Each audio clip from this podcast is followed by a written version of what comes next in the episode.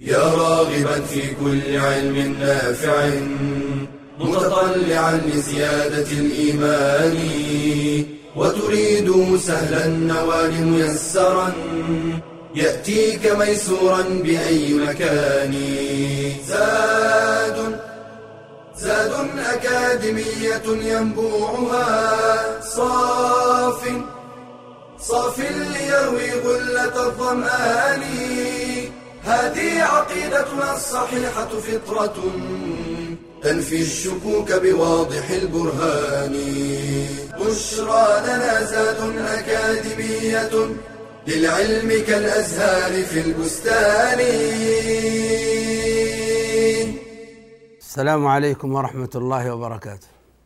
الحمد لله رب العالمين والصلاة والسلام على أشرف المرسلين محمد وعلى آله وصحبه أجمعين. اللهم إنا نسألك علما نافعا وعملا صالحا وقلبا خاشعا ولسانا ذاكرا. اللهم علمنا ما ينفعنا وانفعنا بما علمتنا واجعله حجة لنا ولا تجعله حجة علينا يا رب العالمين. حياكم الله طلاب العلم في الحلقة السابعة من مادة العقيدة الفصل الثاني نستكمل أيها الأحبة في الله في هذه الحلقة ما بدأناه في الكلام عن موضوع العبادة. اليوم نريد أن نتحدث في هذه الحلقة عن ثلاثة أمور. عن من هذا الإله من هو الله الذي نعبده نحن المسلمون. يسألكم الكثيرون ممن ليسوا من أهل الإسلام أنتم تضعون جباهكم على الأرض ساجدين لله. من هذا الله؟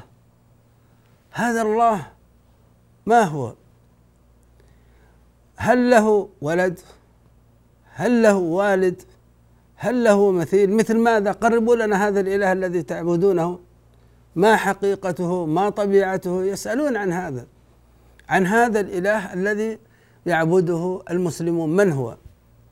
نأخذ في هذه الحلقة من من هو الله الذي نعبده نحن المسلمون؟ الأمر الثاني لما نعبده؟ ما هي الأسباب؟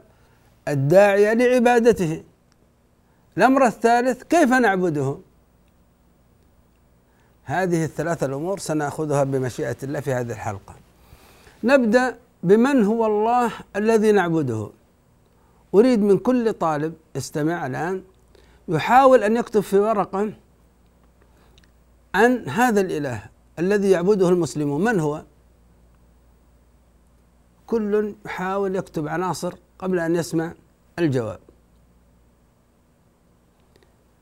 كل سيعبر بتعبير من من نفسه لكن أفضل تعريف نعرف به نعرف من خلاله بالله جل جلاله الذي نحن نعبده أن نعرف بالله من كلام الله. فالله سبحانه وتعالى قد عرفنا بنفسه. قال لنبيه عندما سئل عن من هو الله قال له قل هو الله أحد. الإله الذي نعبده هو الأحد سبحانه وتعالى الواحد المنفرد بخلق هذا العالم. هو خالق هذا العالم لا شريك له في الخلق.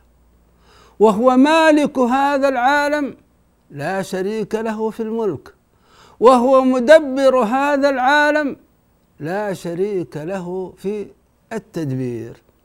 فنحن نعبد الله الذي هو الأحد الواحد المنفرد بالخلق والملك والتدبير. هذا الله من هو؟ هو الصمد الله الصمد. ما معنى الصمد يا إخوان؟ الصمد له تفسيران. التفسير الأول الصمد الذي ليس هو مثل المخلوقين يعني الذي لا يأكل ولا يشرب ولا يجوع ولا ينام ليس هو من جنس المخلوقات. هذا معنى لمعنى الصمد يعني الذي لا يأكل ولا يشرب ولا يجوع ولا كذا كذا ولا ينام. هذا تعريف. التعريف الثاني الصمد يعني المستحق للعبادة المعبود. فهو السيد جل جلاله الكامل في سؤدده الكامل في صفاته الذي يقوم بأمر خلقه. فيعود إليه تعود إليه الخلائق في حوائجها فيقضيها لها. الصمد المعنى الثاني بمعنى الذي تعود إليه الخلائق في حوائجها في عبادتها في طلبها في قصدها في دعائها. فهو جل جلاله الذي يقوم بأمر هؤلاء الخلائق والخلائق تعود إليه عابدة له. لو قلنا معنى الصمد الذي ليس هو من جنس المخلوقات هذا المعنى جاء في آخر السورة لم يكن له كفوا أحد. اذا المقصود بمعنى الصمد هنا أي المستحق للعبادة. ولاحظوا هذا يأتي متكامل مع السورة. قل هو الله أحد في ربوبيته. الله الصمد يعني المعبود بعد الربوبية تأتي الألوهية. الله الصمد أي المستحق وحده للعبادة ولأن تعود إليه الخلائق في حوائجها لأنه هو السيد وهو الحي وهو القيوم. جل جلاله فبالتالي هو المستحق للعبادة. فنحن المسلمون نعبد من؟ نعبد الله المنفرد بالخلق والملك والتدبير الصمد المستحق للعبادة وحده لا شريك له. هذا الإله الذي نعبده لم يلد ليس له أولاد. لا شك أنه في الإنسان عدم الولد نقص. أما في حق الله جل جلاله فعدم الولد كمال. فالله لم يلد لكمال غناه عن الولد. فهو الآخر الذي ليس بعده شيء. فلا يحتاج إلى من يخلفه. وهو جل جلاله لا يحتاج إلى من يعينه وهو جل جلاله لا يصيبه عجز فيحتاج إلى من يقوم به في في عجزه. تعالى الله عز وجل عن صفات النقص. وبالتالي فالله جل جلاله غني عن الولد فهو لم يلد لكمال غناه ولأنه هو الآخر الذي ليس بعده شيء ولأنه لا يفنى جل جلاله سبحانه وتعالى لا يلحقه فناء. ولم يولد. هذا الإله الذي نعبده ليس له والد. لكمال غناه عن الوالد. لأنه جل جلاله هو الأول الذي ليس قبله شيء. جل جلاله فهو مستغن. ولذلك هو هذا السؤال من خلقه؟ ما يمكن. لأنه لم يسبق بعدم جل جلاله حتى نقول من أوجده من خلقه. لم يسبق بعدم. هو الأول الذي ليس قبله شيء. وهو الآخر ولذلك لم يولد. وهو الآخر الذي ليس بعده شيء ولذلك لم يلد. لم يلد ولم يولد. هذا الإله مثل الشمس مثل القمر مثل الأرض مثل الشجر مثل الحجر مثل البشر. لا. ولم يكن له كفوا أحد. ليس له مثيل ولا ند ولا مكافئ ولا مسامي ولا نظير. جل جلاله لأنه هو الخالق وما سواه مخلوق. فلا يمكن أن يكون الخالق جل جلاله مثل شيء من مخلوقاته ولا يمكن أن يكون شيء من مخلوقاته مثله سبحانه وتعالى. هذا الإله الذي نحن نعبده المسلمون. نأخذ فاصل ثم نواصل معكم بمشيئة الله.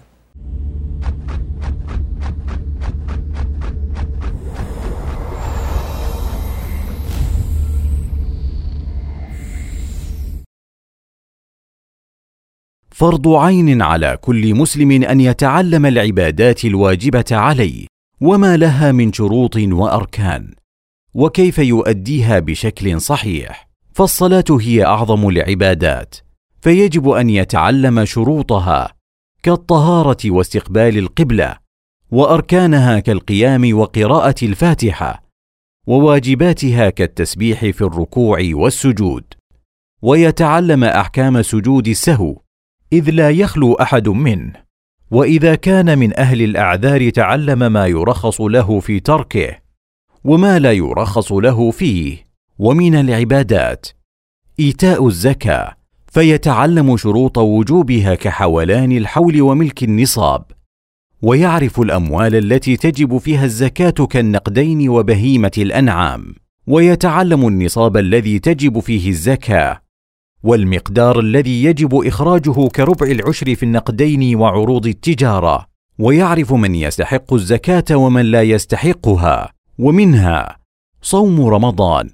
فيتعلم أركان الصيام وشروط صحته وما يبطل الصيام كالاستقاءة والاستمناء وما لا يؤثر عليه كالسواك والطيب. ومنها حج البيت فيتعلم اركانه كالطواف والسعي. وواجباته كالمبيت بمزدلفة ورمي الجمار ويتعلم المواقيت الزمانية والمكانية ومحظورات الإحرام. فاجعل عباداتك خالصة لوجه الله صوابا على السنة. الذي خلق الموت والحياة ليبلوكم أيكم أحسن عملا.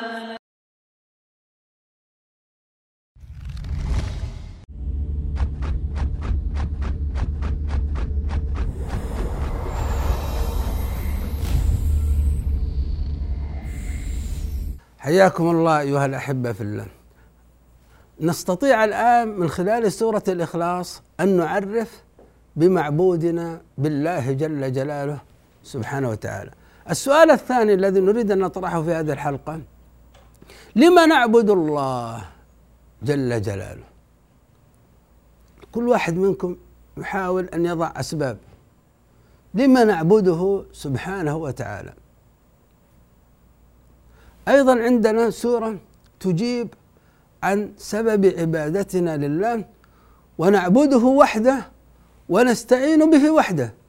السبب لأنه رب العالمين الرحمن الرحيم ولأنه مالك يوم الدين. ما هي السورة التي تبين لنا لما نعبد الله؟ سورة الفاتحة. الحمد لله. هذا الإله المنفرد بالخلق والملك والتدبير الصمد الذي لم يلد ولم يولد ولم يكن له كفوا أحد يجب علينا أن نحمده. يجب علينا أن نقول الحمد لله نشكره نثني عليه جل جلاله. لماذا؟ لأنه رب العالمين. لأنه هو الذي خلقنا من العدم وأدر علينا أنواع النعم. لأنه سبحانه وتعالى بيده جلب المنافع ودفع المضار لأنه سبحانه وتعالى له الأسماء الحسنى والصفات العلى لأنه هو الرب ونحن العبيد هو سيدنا ونحن عبيده هو ربنا ونحن خلقه. هذا الرب أمرنا بعبادته لنشكره على هذا. فنحن نقول الحمد لله. فنحن نعبد الله جل جلاله لأنه رب العالمين ونحن عبيده. هو سيدنا ونحن عبيده. وهو جل جلاله الرحمن الرحيم. الحمد لله رب العالمين الرحمن الرحيم. سبحانه وتعالى هو رحيم بنا حتى في الشريعة التي وضعها لنا لنعبده بها. هذه الشريعة فيها رحمة فيها رحمة. كل العبادات سواء العبادات القلبية أو العبادات المتعلقة بالجوارح أو العبادات المتعلقة بالمجتمع أو بالأمة الإسلامية العبادات التي يعني نقوم بها في جميع مناحي الحياة هذه العبادات وفق رحمة الله سبحانه وتعالى. هذه العبادات فيها سعادة لقلوبنا. نعبده نعبد الله. لما نعبده؟ لما فيه من سعادة لنا. هذه الشريعة من الرحمن الرحيم. وضعها لكي تسعدنا. تسعدنا في قلوبنا عندما نعبد الله بالحب. والخوف والرجاء والتوكل والرضا والصبر واليقين.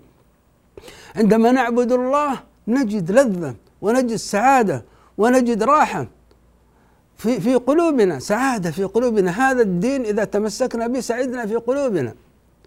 وليس الدين سعادة للقلب فحسب بل سعادة للبدن. متى التزمنا بشرع الله كان هذا البلد هذا البدن قويا وهذا البدن سعيدا وهذا البدن يعطى من هذا الدين ما يشبع غرائزه من مأكل ومشرب ومنكح ومنكح ونحو ذلك. هذه الأمور الأكل والشرب والنكاح ونحو ذلك مما يلبي طلبات البدن ويسعد هذا البدن جاء جاءت الشريعة بذلك. فنحن عبادتنا لله سعادة لقلوبنا وسعادة لأبداننا. إذا في عبادتنا لله صلاح في نفوسنا قلبا وبدنا. وفي عبادتنا لله صلاح لمجتمعنا كما فيه صلاح لنا أفرادا. وفي عبادتنا لله صلاح لدنيانا وصلاح لاخرانا هذا الدين عندما نعبد الله جل جلاله به دنيانا تصلح. هذا الدين جاء يحقق مصالح الناس. عندما نتمسك بعبادة الله جل جلاله تصلح دنيانا كما هي تصلح أخرانا. ونصل ونسعد قلوبا وابدانا ونصلح أفرادا ومجتمعات. فنحن نعبد الله لأنه رب العالمين ولأن هذه الشريعة التي جاءنا بها ونتعبد لله سبحانه وتعالى بها هي وفق رحمته سبحانه وتعالى. رحمن الرحيم. والله جل جلاله لم يخلقنا عبثا في هذه الدنيا ويتركنا هملا. لا لأنه مالك يوم الدين فسيكون هناك يوم للحساب والجزاء يبعث الناس فيه ويجازون على أعمالهم. فنحن نعبد الله في هذه الدنيا لأن هذه الدنيا دار عمل ودار ابتلاء ودار اختبار وهناك يوم آخر سنبعث فيه من قبورنا ونجزى فيه على أعمالنا. فمن عمل عبد الله في الدنيا فإنه يوم القيامة يكون في الجنة عرضها السماوات والأرض. ومن رفض أن يكون عبدا لله في هذه الدنيا العبادة الشرعية فهناك جزاء في نار تلظى عياذا بالله. إذا عرفنا أيها الأحبة لما نعبد الله؟ لأنه رب العالمين الرحمن الرحيم مالك مالك يوم الدين. الحمد لله رب العالمين الرحمن الرحيم مالك يوم الدين.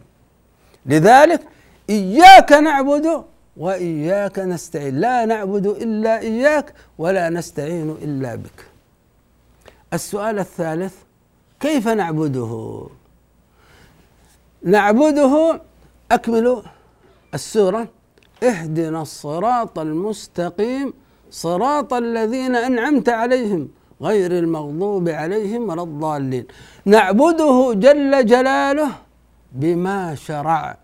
لا نعبده بالآراء والأهواء إنما نتبع الصراط المستقيم نتبع هذا الإسلام الذي جاءنا به النبي صلى الله عليه وسلم وسار عليه من من بعده الصحابة وسار عليه أهل الذين أنعم الله عز وجل عليهم وسار عليه من قبل رسولنا الأنبياء والصديقين والشهداء والصالحين.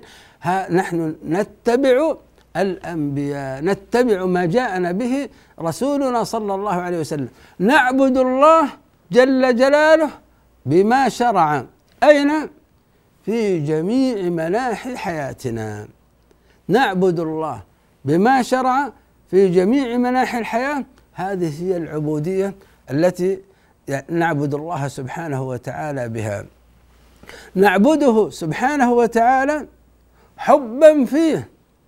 وكيف لا نحب لا نحبه سبحانه وتعالى؟ وهو خلقنا من العدم وأدر علينا أنواع النعم. نعبده سبحانه وتعالى حبا فيه. لكن هل نعبده بالحب وحده؟ لا. لو عبدناه بالحب وحده بدون خوف ولا رجاء هذه ليست حب العبودية. هذه ليست محبة العبادة.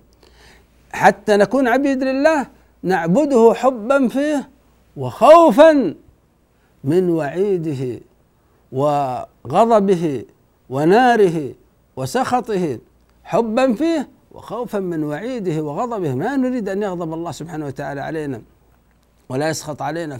فنعبده حبا وخوفا ونعبده رجاء في رحمته.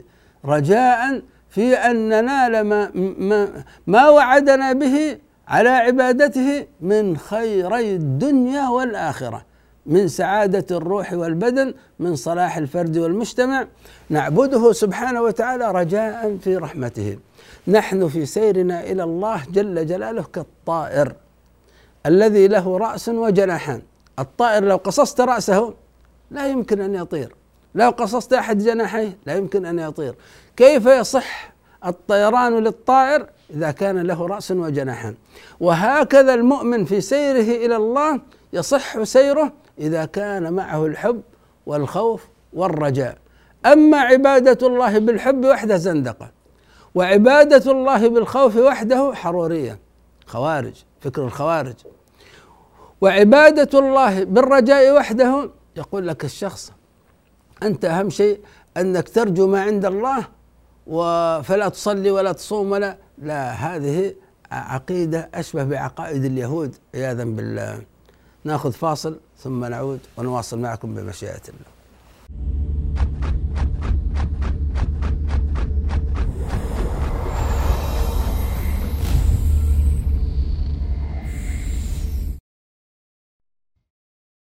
أنيق المنظر طيب المخبر مجالسته أنفع مجالسة. ومؤانسته أمتع مؤانسة. إنه الكتاب. من خلاله نجالس العلماء والصالحين. قيل لابن المبارك ألا تجلس معنا؟ قال ما أجلس إلا مع الصحابة والتابعين. يعني قراءة سيرهم. وقد كان العلماء مشغوفين بالكتب شراء وقراءة. قال ابن الجوزي ما أشبع من مطالعة الكتب. وإذا رأيت كتابا لم أرى فكأني وقعت على كنز. ولو قلت إني طالعت عشرين ألف مجلد كان أكثر. وطالب العلم لا تخلو مكتبته من الكتب الأساسية في شتى العلوم. ففي التفسير مثلا تفسير السعدي وتفسير ابن كثير. وفي العقيدة كتاب التوحيد والطحاوية والواسطية مع بعض الشروح. وفي الحديث الكتب الستة مع أهم شروحها. وهكذا بقية العلوم. وقبل الشراء استشر أهل الخبرة ليدلوك على أهم الكتب وأفضل الطبعات. لا سيما ما حققه العلماء الثقات كالألباني وبكر أبي زيد. احرص على التنويع في شراء الكتب ولا تقتصر على فن واحد أو فنين. واعتن بكتب النوازل الفقهية والعقدية. ولا تبخل بإعارة الكتاب وحافظ عليه إن استعرته ولا تستكثر ما تنفقه في شراء الكتب. وصدق من قال تلك النفائس لو تباع بوزنها ذهبا لكان البائع المغبونا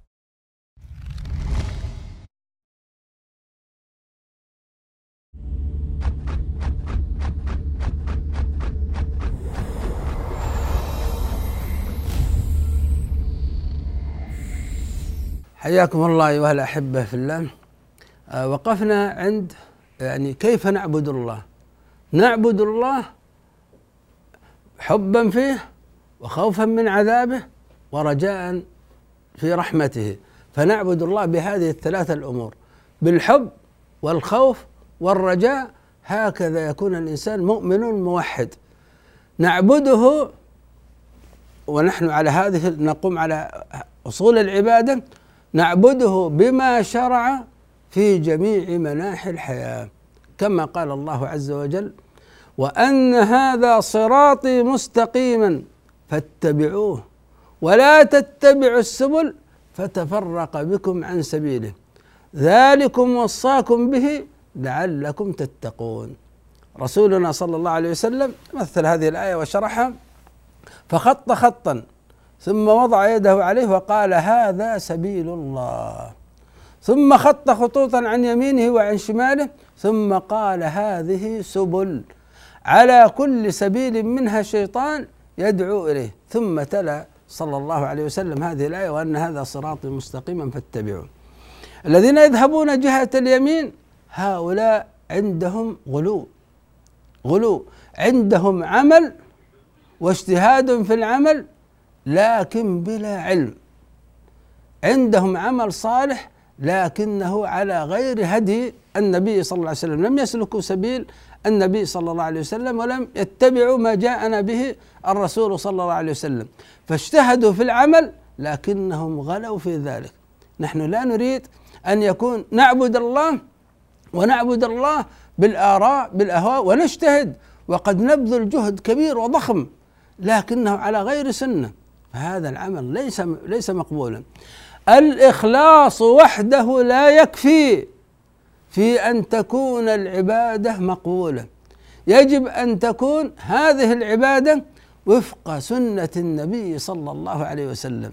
لا يكفي أن تجتهد تقوم الليل تصوم النهار وتفعل الخيرات لكن كل ما تقوم به على غير هدي نبينا صلى الله عليه وسلم. بدع إما بدع حقيقية أو بدع إضافية. البدع الإضافية كلها جانب من الشرع وجانب آخر مغير فيه. من عند نفس الإنسان يغير في صفة العبادة يغير في عددها يغير في جنسها يغير في وقتها يغير في مكانها هذا التغيير هذا التلاعب بالعبادة يجعلها بدعة. وإذا كانت بدعة لفت ثم ألقي بها في وجه صاحبها. لابد أن نعبد الله جل جلاله على وجه الإخلاص وعلى سنة النبي صلى الله عليه وسلم. فهؤلاء الذين اتجهوا يمينا وغلوا وطوائف كثيرة ويراهم الإنسان يقول مستحيل أن يكونوا هؤلاء ضالون. مستحيل. مستحيل هذا الذي يتعب نفسه يعني يكون على ضلال. لكن هذا هو الواقع. لماذا هو على ضلال؟ رغم ما يراه الإنسان فيه من جهد ومن بكاء ومن تضرع ومن يعني مجاهدة بل قد يقتل نفسه ويرمي بنفسه في وسط الأعداء يهلك نفسه. لكنه لكونه على غير السنة وعلى غير المنهج الشرعي فعمله باطل. وعمله في ضلال. ويحسب أنه يحسن صنعا وهو ليس من أهل سبيل الله. لماذا؟ لأنه لم ينهج منهج النبي صلى الله عليه وسلم ولم يسر على ما سار عليه النبي صلى الله عليه وسلم وصحابته الكرام بل أتى بعبادات من تلقاء نفسه فضل وانحرف. سواء نقصد بالعبادة هنا عبادة قلبية أمور عقدية أو أمور يعني آه، عبادية تتعلق بالجوارح هذه الأمور كلها إذا الإنسان انحرف فيها وغلا فيها لا ينفعه إخلاصه إذا كان على غير هدي النبي صلى الله عليه وسلم. الجانب الآخر اليسار ونعوذ بالله من هؤلاء أيضا أهل الجفاء. أهل الجفاء لهذا الدين تركوا سبيل الله واتجهوا جهة أخرى. جهة يعلمون الحق يعلم عنده العلم لكنه يعمل بخلافه. عنده علم وعنده معرفة لكن بلا عمل. ولا ويعمل بخلاف الحق ويعمل على منهج المنحرفين عن دين الله ويخالف في ذلك. هذا أيضا طريق طريق المغضوب عليهم. نحن لا نريد لا طريق الضالين لا نعبد الله بطريق الضالين ولا نعبد الله بطريق المغضوب عليهم. المغضوب عليهم أناس يعني عندما تجالس الشخص منهم يتحدث لك عن الدين وعن معرفة الدين وعن حقائق الدين وعن الأخلاق وعن لكن هو ليس على منهج الإسلام. يعني في أخلاقه في في, في توجهه في قلبه في فكره هو على وجهة أخرى. إما يسير في طريق اليهود أو طريق النصارى هو يريد أن يكون ديننا مثل دين العلمانيين. يعني يريد أن يكون دينك تلبسه عندما تدخل البيت في حجرتك البس دينك. إذا كنت تريد أن تدخل المسجد البس دينك.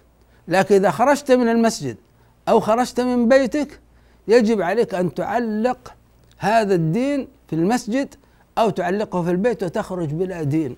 هذا ما ينفعنا هذا. فهؤلاء سواء كانوا آه، الطريق الذين سلكوا طريق المغضوب عليهم سواء كانوا مرجئا أو كانوا يعني آه، رافضا أو كانوا من آه، أهل التغريب وأهل العلمنة هذا الطريق لا نريدهم إذا أراد الإنسان أن يكون عابدا لله على وجه الحقيقة أن يعبد الله سبحانه وتعالى بالإخلاص خالصا لوجهه سبحانه وتعالى لأن الله عز وجل لا يقبل العمل الذي يكون فيه شرك. من عمل كما قال الله عز وجل في الحديث القدسي من عمل عملا أشرك فيه معي غيري تركته وشركه فالله أغنى الشركاء عن الشرك. فيجب أن تكون العبادة خالصة لوجه الله وفق سنة نبيه صلى الله عليه وسلم. فمن كان يرجو لقاء ربه فليعمل عملا صالحا ولا يشرك بعبادة ربه أحدا. العمل الصالح هو الذي يكون وفق هدي النبي صلى الله عليه وسلم ولا يشرك بعبادة ربه أحدا فيكون هذا العمل خالصا. من كان محبا لله ويريد أن يكون عبدا لله فليتبع رسول الله صلى الله عليه وسلم في عبادته لله. قل إن كنتم تحبون الله فاتبعوني يحببكم الله. لا نعبد الله جل جلاله بالآراء بالأهواء بالأذواق بالمواجيد بالمنامات بالهواتف. لا نعبد الله سبحانه وتعالى بالعادات. نعبد الله سبحانه وتعالى بما شرع ونعبده مخلصين له في عبادته. نعبده جل جلاله بالحب والخوف والرجاء. ونحرص كل الحرص على أن نحقق هذه العبودية. وكيفية تحقيق هذه العبودية؟ أن يكون توحيدنا توحيدا تاما بهذه العبادة. والتوحيد التام العبودية الحقة لله جل جلاله تتحقق إذا صف الإنسان عبوديته من أنواع الظلم الثلاثة. إذا صف الإنسان عبوديته لله من الشرك وهو الظلم العظيم. وصف الإنسان عبوديته لله من ظلم العباد. وصف الإنسان عبوديته لله من ظلم النفس بالإصرار على بارتكاب الكبائر أو الإصرار على الصغائر فسلم من أنواع الظلم الثلاثة. هذا هو المحقق للعبودية صاحب التوحيد التام. المحقق للعبودية هو الذي يموت يوم يموت يموت على التوحيد وعلى التوبة. المحقق للعبودية هو الذي يحقق توحيده فيخلصه من شوائب الشرك والبدع والمعاصي. هذا هو الإنسان المحقق للعبودية. عرفنا أيها الأحبة في الله في هذه الحلقة من هو الله الذي نعبده ولم نعبده وكيف نعبده. ونستكمل بمشيئة الله في الحلقة القادمة. بعض المسائل المتعلقة بهذه العبودية لله وعلى وأستودعكم الله وصلى الله وسلم وبارك على عبده ورسوله محمد وجزاكم الله خيرا. يا راغبا في كل علم نافع متطلعا لزيادة الإيمان وتريد سهلا النوال ميسرا. يأتيك ميسورا بأي مكان. زاد زاد أكاديمية ينبوعها. صاف صاف ليروي غلة الظمآن. هذه عقيدتنا الصحيحة فطرة تنفي الشكوك بواضح البرهان. بشرى لنا زاد أكاديمية للعلم كالأزهار في البستان.